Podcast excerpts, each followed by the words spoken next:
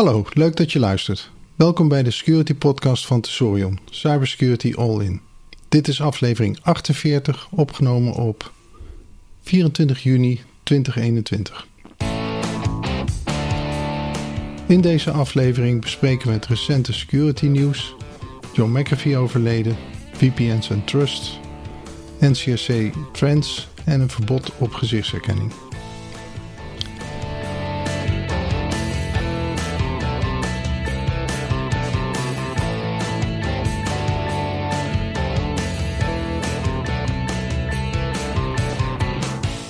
Ik ben Lex Borger en vandaag zijn ook collega's Siska Jonker, Paola Zizola en Frans Dondorp aanwezig.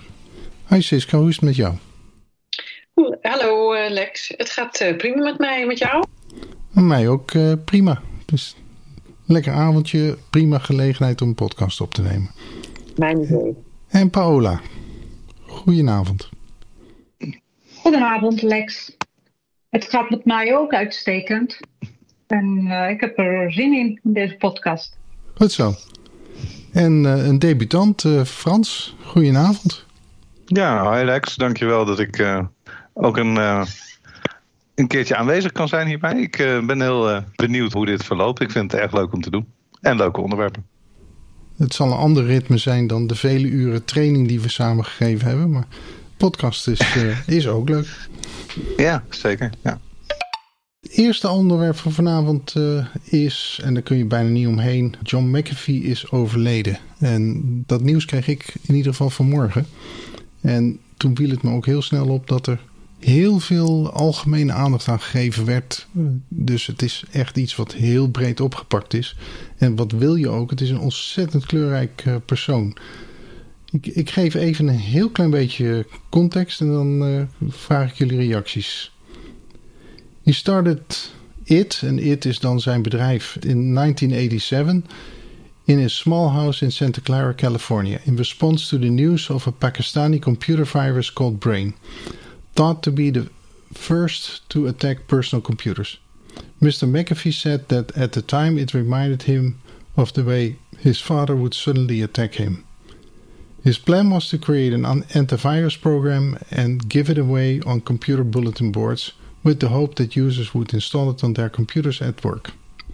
They did, and the companies paid licensing fees, giving Mr. McAfee revenues of about 5 million a year by the year 1990.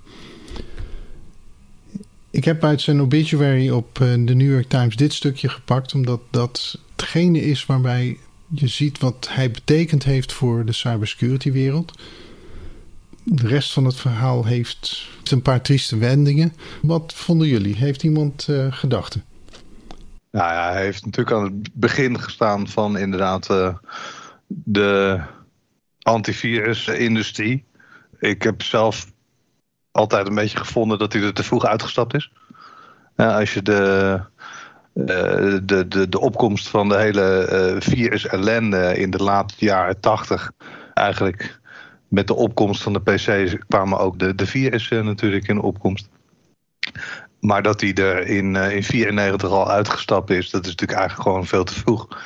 Ja, dat is nog voordat deze industrie echt zo groot werd dat we het over malware en over uh, cybersecurity uh, gingen hebben. Dus ehm, ik ben dan verbaasd als ik, als ik lees dat zo'n kleurrijk figuur toch de visie had om op tijd te beginnen met antivirus en er dan toch uit te stappen voordat die hele industrie ontplofte. En als je dan leest dat, het, dat zijn bedrijf verkocht is voor miljarden, terwijl hij er zelf met 100 miljoen uitgestapt is, denk ik van ja.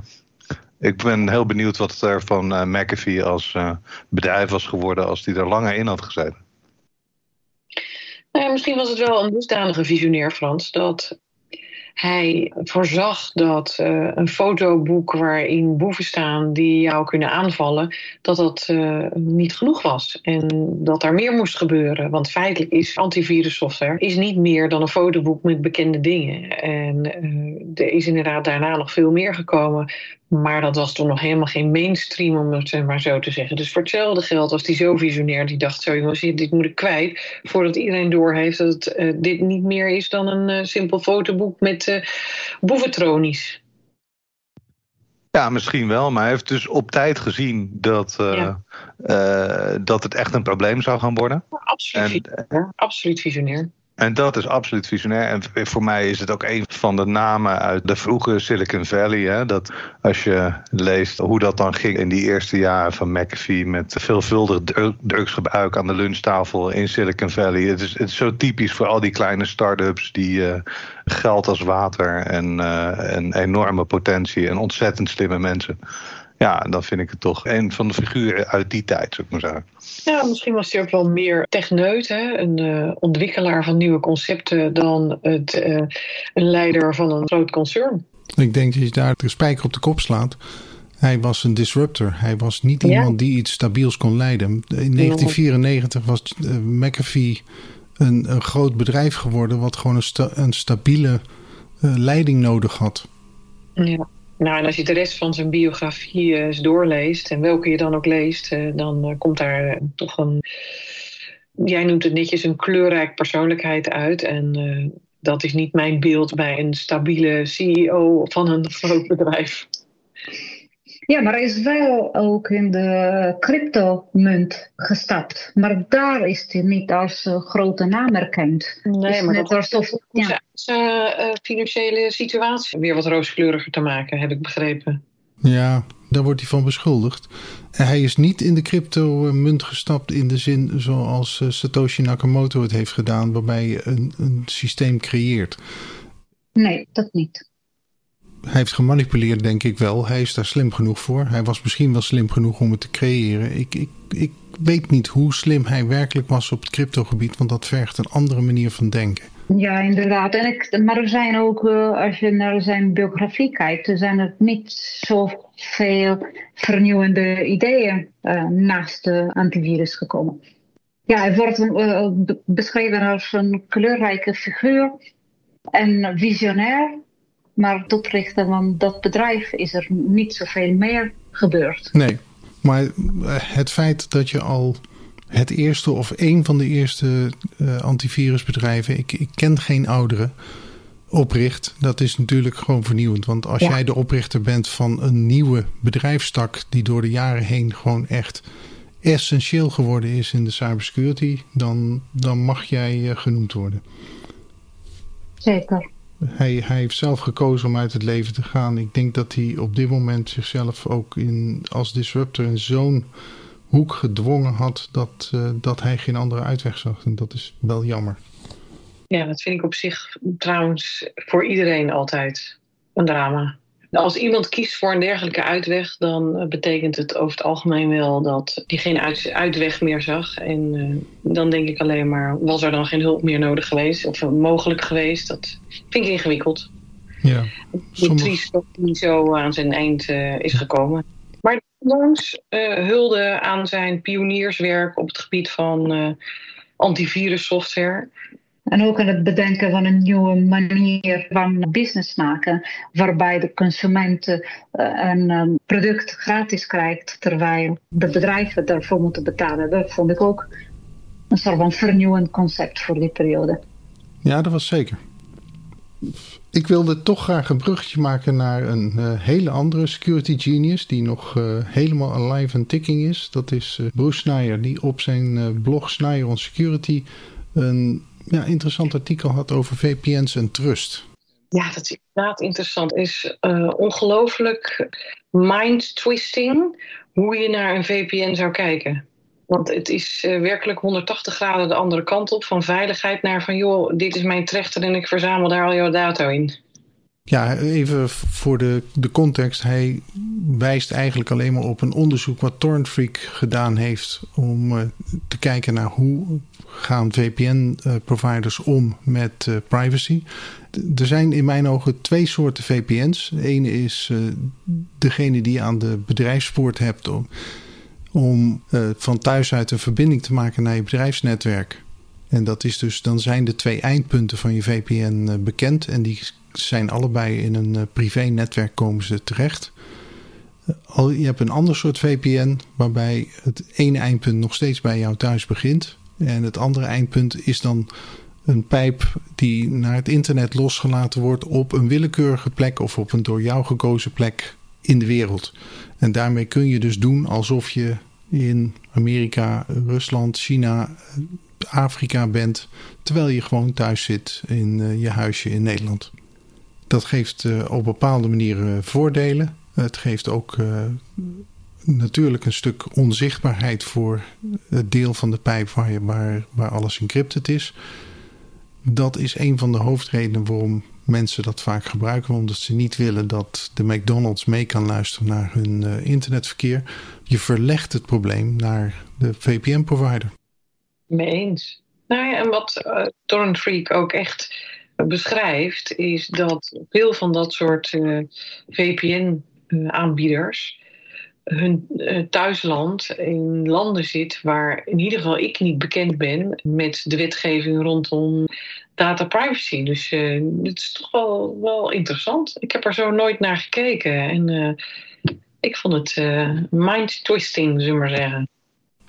Als jij in Panama zit of in, jij noemde een paar voorbeelden, dan denk ik, ja, daar ken ik toch echt de wetgeving niet van op dit gebied. Ik vind het stoer als jullie straks zeggen dat jullie dat wel weten. Dat jullie zeggen van, uh, Cies, dat jij dat niet weet. Nou, nee, ik, hier, hier, hier, wil ik een reactie van Frans op horen. ja, ik heb die, die uh, wetgeving heb ik ook niet paraat. Ik moet zeggen, ik, ik, ik zag deze VPN-discussie uh, vooral als het ontsnappen aan profilering. Dus dat je op basis van, van IP-adressen gebruikers volgt kijkt waar ze vandaan komen, uit welke landen ze komen, et cetera. Maar um, dat je er inderdaad jurisdictie mee zou ontlopen, dat vind ik wel een heel interessante gedachte. Ik, uh, ik heb daar niet heel snel een, een antwoord op paraat, moet ik zeggen.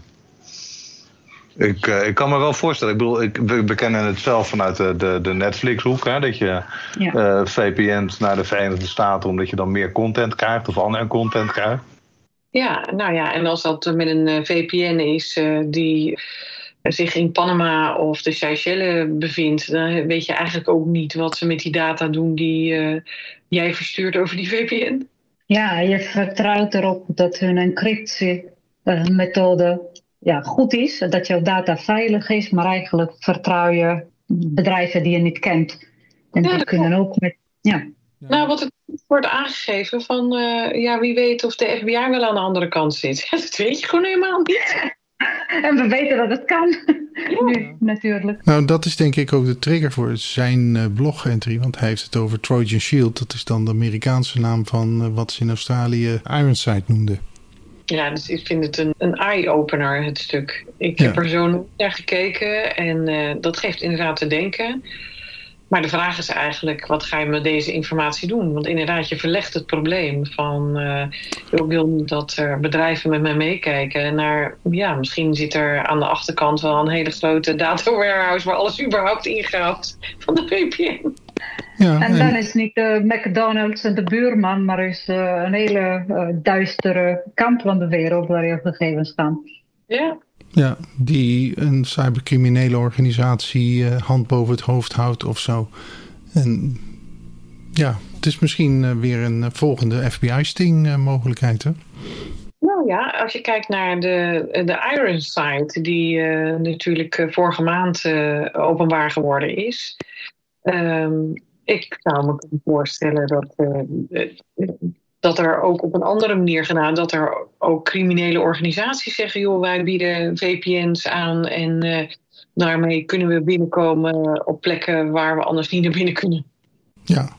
En wij beheren de sleutels van de encrypted verbinding. We ontdekken wel wat er in die kluis zit die over die lijn gaat, uh, waar wij de sleutel van hebben. Ja, en dat is dus een modus operandi van uh, grote drieletterige organisaties in Amerika ja. Die kunnen een massale hoeveelheid informatie opnemen. En later gericht uh, terugspelen. Uh, en als je dan sowieso de sleutels ook hebt. En dan kun je gewoon uh, op je gemakje er doorheen gaan. En wie weet wat je in je hooiberg tegenkomt. Ja. Nou ja, ik moet ook zeggen dat ik hiermee niet partijen wil beschuldigen. Maar ik vond het echt een interessant artikel om er is goed over na te denken. Het was wel een uh, food for thought. Ja, e-, even dan een afsluitende vraag. Wat, wat zou een bedrijf met deze informatie moeten doen als ze naar risico's kijken? Wat is het bedrijfsrisico? Ik, ik weet eigenlijk niet of dit ook VPN's zijn die commercieel business-to-business VPN's aanbieden. Want dit gaat over business-to-consumer VPN's. Nou, ik zit heel erg te kijken. Dat artikel had ik niet heel scherp. Maar het, het gaat er natuurlijk eigenlijk om dat je geografisch je locatie verplaatst. Ja, in de virtuele wereld de mapping tussen de reële en de virtuele wereld, zou ik maar zeggen. Wij denken op basis van je IP-adres dat je uit Den Haag komt, want je komt via Ziggo binnen. Maar in feite kom je vanuit Panama via een VPN via Ziggo binnen. Ja. En ik denk dat een hele hoop beveiligingsmaatregelen zouden kunnen bestaan op basis van je waarschijnlijke locatie dus uh, we, we, checken inlogpogingen uit Bulgarije. Ja. Maar dat heeft helemaal geen zin als je die VPN's meeneemt. Nee, dat vind ik sowieso inderdaad een eh, risico bij VPN's. Of die VPN's dan van die partijen die die, die VPN gebruiken gegevens vasthouden en filteren, dat maakt daar niet op uit.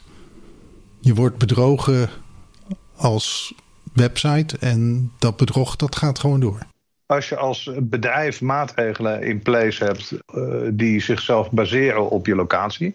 Bijvoorbeeld dus Netflix die op basis van jouw vermeende locatie content aanbiedt. Die wordt genept. En zo zou je ook kunnen denken aan de Great Firewall of China. Hè, uh, die op basis van uh, je vermeende locatie in China filters aanbrengt. Of uh, mensen in Iran die aan uh, censuur ontsnappen uh, door VPN. Eigenlijk geldt dit dus voor alle maatregelen die zich baseren op wat waarschijnlijk jouw geografische locatie is. Daar ga je omheen met deze VPN's. En dat is inderdaad een interessante gedachte, waar ik me nog niet zo heel erg bewust van was. Ja, en dan is het moeilijk in China is dat de overheid de VPN's door hun firewall heen ook goed in de gaten proberen te houden en te killen. Want als je niet weet wat er door die pijp gaat, dan dat belet jou niet om die pijp gewoon in zijn geheel uh, niet door te laten. Ja, inderdaad, ja. Nee, maar ook zien oplossingen die inderdaad in de gaten houden of er niet op hele korte termijn ingelogd wordt met dezelfde credentials in uh, Nederland en in, uh, weet ik veel, Roemenië. Met een VPN kan je doen alsof je in Nederland bent. Dus uh, dat is een check die daarmee wel eens waardeloos zou zijn kunnen geworden. Ja, klopt. En dan gaan we door naar het volgende onderwerp. NCSC heeft zijn magazine uitgegeven, wat ze een paar keer per jaar doen. En dit was uitgave 1. En er stond een interessant artikel in. Trends in het groeiende cyberdomein. Maar dat was, eigenlijk wordt daar ook nog een referentie gedaan naar een Ethics First uh, initiatief. En ik dacht van, ja, we eens kijken wat jullie daarvan vinden. Ik, ik vond het een indrukwekkend uh, artikel voor twee redenen. Voor wat betreft het artikel zelf, de trends in de cybersecurity, vond ik bijzonder dat ze opperden voor een uh, soort van keurmerk om mee te mogen praten in de cybersecurity sector, omdat ze ervan bewust zijn dat die ook geëxplodeerd is. Dat er heel veel partijen zijn die ineens cybersecurity advies geven. En daarnaast ook uh, vond, ik, vond ik het interessant voor de ethics uh, papier waar, waar staat waar een incidentresponsteam zich aan zou moeten houden. Ook ontstaan uit het feit dat nu veel partijen bezig zijn met cybersecurity, waardoor een aantal impliciete regels expliciet gemaakt moeten worden, zodat mensen goed met elkaar kunnen samenwerken met het oog op de klantgegevens en op, uh, uh, en op de beveiliging. Dus dat vond ik uh, voor deze twee redenen heel interessant. Je hebt het dan echt over ethics first, hè? Ja, inderdaad. Ja, wat mij opviel bij, bij Ethics First was echt de hoge ethische standaard die ze daar beschrijven. Het is nog hier en daar niet concreet, maar ja, de woorden zijn wel heel erg uh, hoogwaardig. Hè? Duty of trustworthiness, dat uh, als eerste is natuurlijk al, uh, ja, die, dat is een hoge lat. je, moet, je moet betrouwbaar zijn, je moet vertrouwenswaardig zijn, is denk ik het juiste woord. Dan Duty of Coordinated Vulnerability Disclosure, dat is er eentje die we eigenlijk al jaren toepassen. Of in ieder geval die jaren bekend is en nagestreefd wordt door partijen die een goede bedoeling hebben. Dan gaat het maar door. En ik weet niet of andere jullie opgevallen zijn. Nou, ik ben altijd meer van het generieke plaatje. Ik uh, werd hier heel warm van. Ik vond dat wel heel fijn. Maar het, het is bijna een eet, om maar zo te zeggen. En uh, dusdanig uh, heftig dat hij komt bijna in de buurt van de eet die door artsen wordt afgelegd. En de vraag is, ja, hoeveel mensen willen zich aan dit soort heftige dingen verbinden? Ik sta er wel achter. Want op het moment dat jij niet te vertrouwen bent en je bent het doorgeven luik uit de, de goede wereld, om ervoor te zorgen dat de slechte wereld buiten blijft, dan moet je wel te vertrouwen zijn. En hoe anders kan je een keurmerk hebben of je te vertrouwen bent? Ja. ja want het is onmogelijk voor uh, partijen om uh, alle kennis nog in huis te hebben. Ik heb recent heb ik weer ergens geholpen bij een DNB self-assessment. En dan zie je dus dat eh, de DNB tegenwoordig ook verwacht dat je als directie aantoonbare kennis hebt van cybersecurity en daar of certificaat of opleiding voor hebt gevolgd. Nou, ik ben ze nog niet zoveel tegengekomen. Dat betekent dat die moeten van, van, per definitie leunen op partijen in de markt die ze daarbij helpen. Ja, en het kost over het algemeen toch echt serieus geld. En mag je dan verwachten dat je je geld goed besteedt? Dus ik vind het een terechte discussie. Ik vind het een mooie eerste poging in de stap in de goede richting. Ik denk nog wel dat hierna nog wel wat varianten komen die dan uh, uiteindelijk gaan leiden tot een uh, keurmerk, een eet, een certificering, een noem het. Maar ik denk dat er geen ontkomen aan is. Ja. Ik vind het een mooi initiatief. Ik hoop dat het niet gaat leiden tot een wildgroei aan dit soort uh, standaarden. Maar dat er juist eentje, en wat mij betreft dan deze, een voorkeurstatus krijgt, officiële status, dat daar dan ook een, een goede governance erkenning achter komt. Ja. Ja, ik vind uh, de parallel met de medische industrie vind ik wel terecht. Ik, ik, ik zie het als een, een, een onderdeel van de volwassenwording van de IT-security-industrie. En misschien eigenlijk ook wel van de uh, IT-industrie in beide zin. En we gaan steeds meer specialiseren. Net als artsen dat doen. Je hoeft steeds minder alles te weten over alles. Maar dat betekent wel dat als je in dit specifieke hoekje van de IT werkt, dat je je dan aan de regels van dat hoekje moet houden. Dat vind ik op zich logisch en dat vind ik ook een goede ontwikkeling. En je ziet ook een hoop van deze eisen, om het maar zo te zeggen, van deze plichten, al die duties, die, die liggen ook in het verlengde met wat je behoort te doen in bijvoorbeeld de gegevensbescherming. Hè? Dus de transparantie, open en eerlijkheid, vertrouwelijkheid. dat zijn natuurlijk geen vreemde eisen. En ik kan me wel heel goed voorstellen dat er steeds meer behoefte bestaat aan een uniform eisenstelsel die je aan security specialisten kunt koppelen. Ik herkennen ook wel de, de eisen uit uh, ISACA en ISC Squared in. Ja, de, de bekende bedrijven achter de CISSP en CISM en CISA certificaties. Ja, dus dat betekent dat je als jij een, een gecertificeerde security professional bent, dat je je aan dit soort ethische codes moet houden. Ik, ik vind dat logisch. Ik ben wel met je eens dat uh, er een, een risico voor wildgroei is. Wat ik wel weer grappig vind, is het, deze discussie is ook heel makkelijk te verbinden aan de discussie die vorige maand leefde. Dat de Europese Commissie vindt dat wij ons minder moeten verbinden aan Amerikaanse bedrijven. Dus uh, de Googles en de Microsofts. En de, omdat wij uh, als Europa uh, toch eigenlijk een, ja, een stuk onafhankelijkheid zouden moeten hebben van dit soort grote partijen. En op het moment dat je het hebt over IC Square en ISACA, betekent ook weer dat dat inderdaad certificaten zijn die uit uh, Amerika komen. En misschien wordt het ook wel tijd om inderdaad, en misschien is dit wel een opmars daartoe, een uh, Europees uh, stelsel voor iets dergelijks te hebben.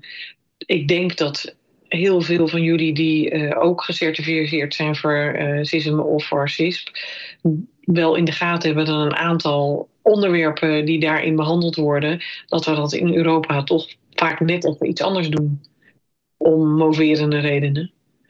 Uh, dus misschien wordt het ook wel tijd voor een uh, Europese certificering hiervan. Het mooie hiervan zou zijn dat we inderdaad uh, dan met een voorzitter die uit de Nederlandse NCSC komt, wel een goede positie aan tafel hebben. Ja.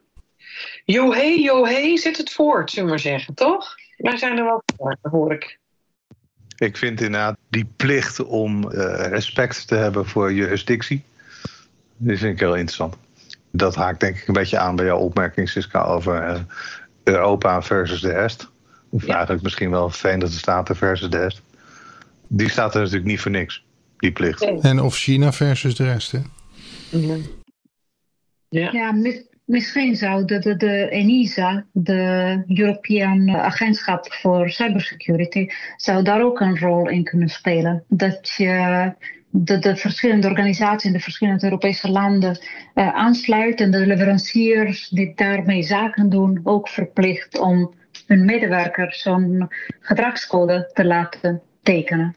Zodat je weet, ja, je hebt het getekend, dat zegt niet veel natuurlijk, maar als professional weet je dat dat jouw erecode is binnen de, het vakgebied. Nou, je hebt in de bank heb je de bankierseed. En dat is er eentje die ja, als die geschonden wordt, dan ben je als medewerker, sta je gewoon in een eh, slecht daglicht en kun je waarschijnlijk inpakken. Ik heb dat nog niet meegemaakt, maar ja, ik heb zelf ook een bankierseed moeten afleggen. En die wordt ook echt regelmatig met awareness trainingen naar boven gehaald, dat je goed blijft onthouden wat erin staat. Ja, vooral op aspecten zoals integriteit. Ik heb het ook uh, afgenomen twee jaar geleden. En afgelegd, sorry, twee jaar geleden. En het is inderdaad, als je het leest waar je voor tekent, dan denk je, oh ja, ja, uiteraard. Maar het is wel een bewustwording, een moment wanneer je toch denkt, oké, okay, ik doe iets wel belangrijk. Wat mij trouwens voorhoudt, ja. is dat die hele ethic first al te verkrijgen is in zowel het Engels, Arabisch, het Chinees, het Frans, het Spaans en het Russisch. Dus het is een groter initiatief dan alleen maar Nederlands. En uh, het is dus al in een heel aantal talen beschikbaar. Ja, dat is goed opgezet. En uh, ik ken de organisatie niet. Ethics for Incident Response Team, About Us. Het lijkt erop dat ze grensloos willen opereren, wereldwijd dus kennelijk. Als je China er ook bij betrekt. Het is een special interest group that covers the list of principles that detail the responsibility of cybersecurity professionals. Ja, als je klikt bij ethics zich, dan zie je een, een bredere missiedefinitie en de voorzitters. Oké. En daar kom ik dus met mijn opmerking vandaan dat NCSC Nederland dus aan de voorzitterskant zit. Voordat we naar ons laatste onderwerp van vanavond gaan, wilde ik nog eventjes een intermezzootje doen. In de vorige podcast, nummer 47, heeft Siska het onderwerp nudging geïntroduceerd we hadden toen het uh, idee gespeeld van, nou laten we voorlopig een aantal podcasts kijken van wat kunnen we aan nudging vinden. En mijn vraag aan jullie is, hebben jullie een uh, nudging voorbeeld, het zij positief, het zij negatief, uh, gevonden in de afgelopen tijd? Ik heb er serieus naar gekeken en ik heb geen nieuwe ontwikkelingen gezien. Maar doordat ik aan het zoeken ben geweest, ben ik wel gestuurd op pogingen die dateren uit eind vorig jaar om een framework te maken waar je een nudge kan ontwikkelen. En dat je echt nadenkt over wat is mijn doel en hoe, wat is het huidige gedrag. En om te brainstormen over hoe kunnen we nieuwe dingen ja, ontwikkelen, bedenken om het goede gedrag te stimuleren. En daarover denkend, ik wil daar best de volgende keer wat verder op ingaan, maar ik heb daar deze keer niet heel veel extra uh, informatie over. Wat mij wel aan het denken bracht, nu straks iedereen weer terug gaat naar kantoor. Met zijn laptop brengt hij natuurlijk vanzelf uh, alle ellende die eventueel op zijn uh, privé-netwerk thuis bivakkeert, mee terug het netwerk op. En ik vroeg mij af of een gemiddelde bedrijf zich bewust is van dat gevaar. En in hoeverre kan je dus eigenlijk een medewerker stimuleren om voordat hij naar kantoor komt, om zijn eigen netwerk of zijn eigen laptop uh, te scannen of um, schoon te maken. Of uh, is het een idee om een wasstraat in te richten op het moment dat je van weer voor het eerst op kantoor komt, waarbij je dat zou kunnen doen. En dat is dus goed gedrag. En dan denk ik, hoe zou je dat nou kunnen stimuleren? Hoe zou je er nou voor kunnen zorgen dat voordat mensen vanuit thuiswerken weer naar kantoor komen, dat ze uh, ja, zeg maar even de was doen, zullen we maar zeggen. De was op hun uh, laptop. En dat bracht mij dus alleen maar aan denken. Maar ik heb geen nieuwe nudging dingen om terug te komen op je basisvraag. Ik heb geen nieuwe nudging dingen aangetroffen. Wel op het gebied van gezond eten. En we zijn natuurlijk allemaal kilo's aangekomen tijdens corona. En dus dat we vooral gezond moeten gaan eten. En daar waren nog wel wat nieuwe nudges voor. Maar als het gaat over cybersecurity, heb ik helaas niks gevonden. Nou, het hoeft niet per se te gaan over cybersecurity. De nudging die je hebt inderdaad uh, in de supermarkt, waarbij de artikelen die ze graag aan jou verkopen op ooghoogte staan en de artikelen die jij wilt kopen omdat ze gezonder zijn of, of zo, die, die moet je dan op de hoogste of op de laagste schap zoeken. Ja, dan moet je even door je knieën. Uh, Paola, heb jij iets gevonden? Nee, zeker niet gerelateerd aan uh, cybersecurity. Het zal mooi zijn dat je dan mm, iets vindt wat goed gedrag automatisch maakt. Zonder dat je uh, of, uh, over na te denken. Maar ja, ik vind het nog steeds lastig. Ja, het is, het is iets wat je, wat je moet, bewust moet tegenkomen, maar het is eigenlijk iets wat je onbewust stuurt. Dus je hebt even het feest van herkenning nodig om dat te, te vinden. Frans, had jij iets gevonden? Ja, althans een zoektocht naar uh, nudging in het kader van uh, gegevensbescherming brengt mij ook op het document wat de AP heeft uitgegeven voor de Focus 2020-2023 een heel lijvig document waarin de AP ontwikkelingen in de samenleving schetst en uh, aangeeft waar de focus op zou moeten liggen. En daar wordt nudging ook genoemd.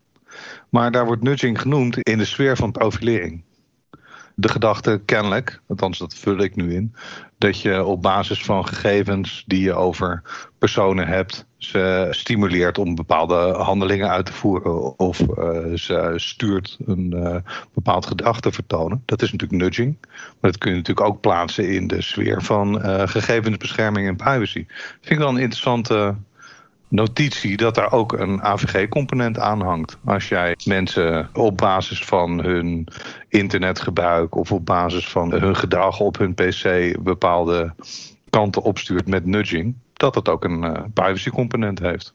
Dat vond ik wel een interessante gedachte. Ja. Veel, veel dieper dan dat gaat de AP er in ieder geval nog niet op in. Maar er zit natuurlijk wel een privacy-component aan. Dat vind ik wel terecht. Ja, nou, ik denk dat dat ook een. Uh, AP is niet degene die daar dieper op in zou moeten gaan, maar die kan inderdaad wel het juweeltje aangeven. En dat is een, een mooi bruggetje naar ons laatste onderwerp. Ik wil alleen nog eventjes, voordat we dat uh, af gaan wandelen, uh, zeggen dat. Ik heb vorige keer met al een hele hoop onderwerpen van nudging besproken die ons al opgevallen waren. Wat ik van de week merkte was dat het ook negatief kan zijn dat wij schrijven tijd. En er was een nieuwe versie van de software uitgekomen waarbij ze opmerkten dat de nieuwe software een nieuwe user interface had. En laten ze nou in die nieuwe user interface de, de hele nudging die in het invallen zat uh, eruit gesloopt hebben. En dat kon ik dus niet begrijpen, maar je zag precies het effect van de nudging, maar dan negatief. Is het duurde mij veel langer om alles in te vullen, omdat je zit te zoeken naar de knoppen en ze zitten niet op de lijn waar je ze verwacht van linksboven naar rechtsonder. En om die reden ga ik het desbetreffende programma niet noemen, maar er zijn er waarschijnlijk meer in Nederland die dit herkennen. En dan gaan we wel dat bruggetje aflopen. En dan komen we op het laatste onderwerp. Wat vorige week groot in de, in de Volkskrant stond. Ik heb het niet ergens anders groot gezien. Maar ja, ik zag ook nog inderdaad Bits of Freedom die uh, daar een reactie op had. Ja, een grote mening over een verbod op uh, gezichtsherkenning in de publieke ruimte. Wie mag ik daarover het woord geven? Ja, mij uh, onder andere. Ik vind dit een volledig terechte ontwikkeling.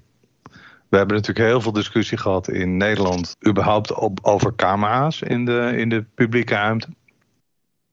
Um, we hebben discussie gehad over uh, de reclameborden die op basis van uh, uh, camerabeelden bepalen wat voor soort persoon er voor hen staat. En dat kan je natuurlijk heel veel verder laten gaan. In de hoek van reclame denk ik altijd aan de film Minority Report, waar je televisiebeelden ziet dat er reclame afgespeeld wordt, specifiek voor de persoon die op dat moment langskomt. En als je echt uh, gezichtsherkenning gaat toepassen in de publieke ruimte, dan is er natuurlijk zo ongelooflijk veel mogelijk. En waarschijnlijk allemaal toepassingen die we toch eigenlijk liever niet willen. De, de kern van privacy en gegevensbescherming, althans een van de, van de meest fundamentele principes, is natuurlijk dat je niet mag discrimineren. En de gedachte achter het kunnen herkennen van personen maakt wel heel veel discriminatie mogelijk. Want waarom zou je het willen? wat ga je dan vervolgens doen met die conclusie? Wat ga je doen als je etniciteit, geslacht of seksuele voorkeur van iemand hebt ontdekt op camerabeelden? Wat doe je daar dan vervolgens mee? Dat is allemaal baakliggend terrein. En ik kan me heel goed voorstellen dat we dat gewoon niet willen. Dat we gewoon in de publieke ruimte niet gevolgd willen worden. Dus ik juich het zeer toe. En er wordt natuurlijk verkocht als het is handig, zodat je dan precies aan jouw behoeften wordt voldaan. Je, je krijgt wat je nodig hebt. En dan gaat gaan de meeste mensen akkoord met het gevolgd worden op in de publieke ruimte, inderdaad. En ze staan niet stil bij de consequenties die er zijn. Nou, we hebben het in de publieke ruimte hebben natuurlijk allerlei debatten over het, het kunnen volgen van, uh, van burgers. We hebben natuurlijk die wifi-tracking discussie uh, in, in breedste zin gevoerd. Waarbij we weten welke telefoons in welk gebied zijn. En telkens zie je de innerlijke strijd, zou ik maar zeggen, tussen wat er mogelijk is en wat we daadwerkelijk zouden willen als maatschappij er is natuurlijk heel veel mogelijk in het volgen en in het uh, op maat bedienen van mensen in de publieke ruimte. Met reclame of met uh, crowd control of met uh, instructies waar je naartoe moet tijdens een festival. Maar je weet op de achtergrond gewoon te weinig over wat er met die data gebeurt en waar die data voor toegepast wordt. En hoe lang het bewaard wordt. Ja, en die transparantie is gewoon echt ver te zoeken. En dat betekent misschien dat je het gewoon niet moet willen. Als overheidswegen hier regels voor bestaan, dan kun je dus ook inderdaad sturen dat bedrijven deze weg niet ingaan en niet verder gaan ontwikkelen. Een soort uh, non-proliferatieverdrag. Ja, nou ja, dan nemen ze gewoon een VPN en dan uh, verzamelen ze het allemaal in de Seychelles. En dan lopen ze onze wetgeving ook weer, begrijp ik inmiddels. Um, zo, zo werkt de privacy niet. Maar als jij uh, in, in de Seychelles een uh, dienst levert waar Europeanen zich aan onderhevig hebben, dan, dan ben jij AVG-plichtig. Ah, oké. Okay. Nou, heb ik ook weer wat geleerd. Nooit uit om te leren. Dat is waarom zoveel Amerikaanse bedrijven ineens zeggen van... hé, hey, ik zie dat jij een IP-adres hebt in Europa... dus ik ga jou mijn website niet eens tonen... zodat ik geen discussie heb. Ik hoor een algemene trend, uh, dit is een, een goed ding. Uh, Bits of Freedom is daar ook mee eens. En die zegt uh, vooral ja, breed maken en niet toespitsen op bepaalde technieken of wat dan ook. Maar echt gewoon heel duidelijk breed houden. Ja, en het, het punt is denk ik vooral ook dat er een, een afweging moet plaatsvinden tussen wat enerzijds de techniek oplevert en voor wie. En welke privacy schade daar tegenover staat. En uh, dat is nu gewoon niet duidelijk. Dus als we gezichtsherkenning gaan invoeren omdat het kan, en dan is er vast wel een toepassing voor. Dat is natuurlijk niet de richting die je in zou moeten gaan met uh, de, de openbare ruimte. En als het gaat om uh, massasurveillance, ja, dan denk ik dat je daar transparant over moet zijn. Uh, al met al mis ik. Het feit dat het technisch kan, betekent niet dat het ook daadwerkelijk wenselijk is. En ik vind eigenlijk dat je die discussie zou moeten omdraaien. En dat je zou moeten zeggen dat degenen die dat daadwerkelijk willen inzetten, voor wat voor reden dan ook, die zullen ongelooflijk goed moeten beargumenteren waarom dat toelaatbaar is. En dat is precies wat de AVG doet. Ik vind het dus een prima ontwikkeling om te zeggen, nou weet je wat, we willen dit niet tenzij. Dus verbod tenzij. Ja, ja. en er is natuurlijk de documentaires geweest van eh, Ruben Terlouw op de VPRO. Die gewoon heeft laten zien hoe dat in Shenzhen in China werkt met uh, gezichtsherkenning op straat. Hè? Ja, met een markeren van mensen, met een vlaggetje zetten op mensen. Nou, dat is een goede burger en dat is geen goede burger. Ja. En op het moment dat jij door het rode licht oversteekt, dan ben je geen goede burger meer. En dat komt uh, keihard bij je terug als je een uh, appartement wil huren. Ja, dan zijn jouw punten uh, laag. Ja. Aan je burgerschap. Ja, ik vind het heel indrukwekkend. want je, je, staat in eerste instantie niet bij stil. Je denkt, ja, wat kan er met die gegevens gebeuren? Wat doen ze ermee? En dan zie je, oké, okay, ze doen dat. Mm. Ja, 1994, wat was het? George Orwell. Hm? Big Brother's watching you. Hij is wat ja. verlaat. Maar... Je ziet precies dus dat die de transparantiecomponent uh, ontbreekt. Je hebt geen idee waarom en wat ermee gebeurt. En dat weet, weet men in China dus ook niet. Welke gevolgen het heeft om op straat te lopen, gek genoeg. Daar heb je het dan over. Ja, nou, ik wil hem afsluiten met uh, van, van wij juichen het initiatief toe. Absoluut, absoluut. Zeker weten. 100% zeker. Ja, dan ga ik uh, ook de podcast uh, hiermee afsluiten. Als eerste wil ik graag jou, de luisteraar, bedanken dat je de podcast beluisterd hebt. Mocht je willen reageren naar aanleiding van deze aflevering, stuur ons dan een bericht. En mijn e-mailadres is lex.borger.tesorion.nl En natuurlijk wil ik ook jullie, Siska, Paola, Frans, bedanken voor jullie bijdrage aan deze podcast. En wij zijn alle werkzaam bij Tesorion. Onze website is www.tesorion.nl. Deze podcast komt maandelijks uit. Een aflevering zijn te vinden in je favoriete podcastplayer en op de Tesorion website. Je kunt je abonneren op de podcast via je favoriete podcastplayer. En als je daar toch bent, geef ons dan ook een waardering en een beoordeling. Dankjewel. Ja, ook weer bedankt Lex. Ja, zit er weer op. Dus even verder. Ja, het is wel inderdaad een aparte gewaarwording. Dus de eerste keer dat ik dat, uh, dat ik zo heb meegedaan. Maar ik, uh, ik vind het wel leuk.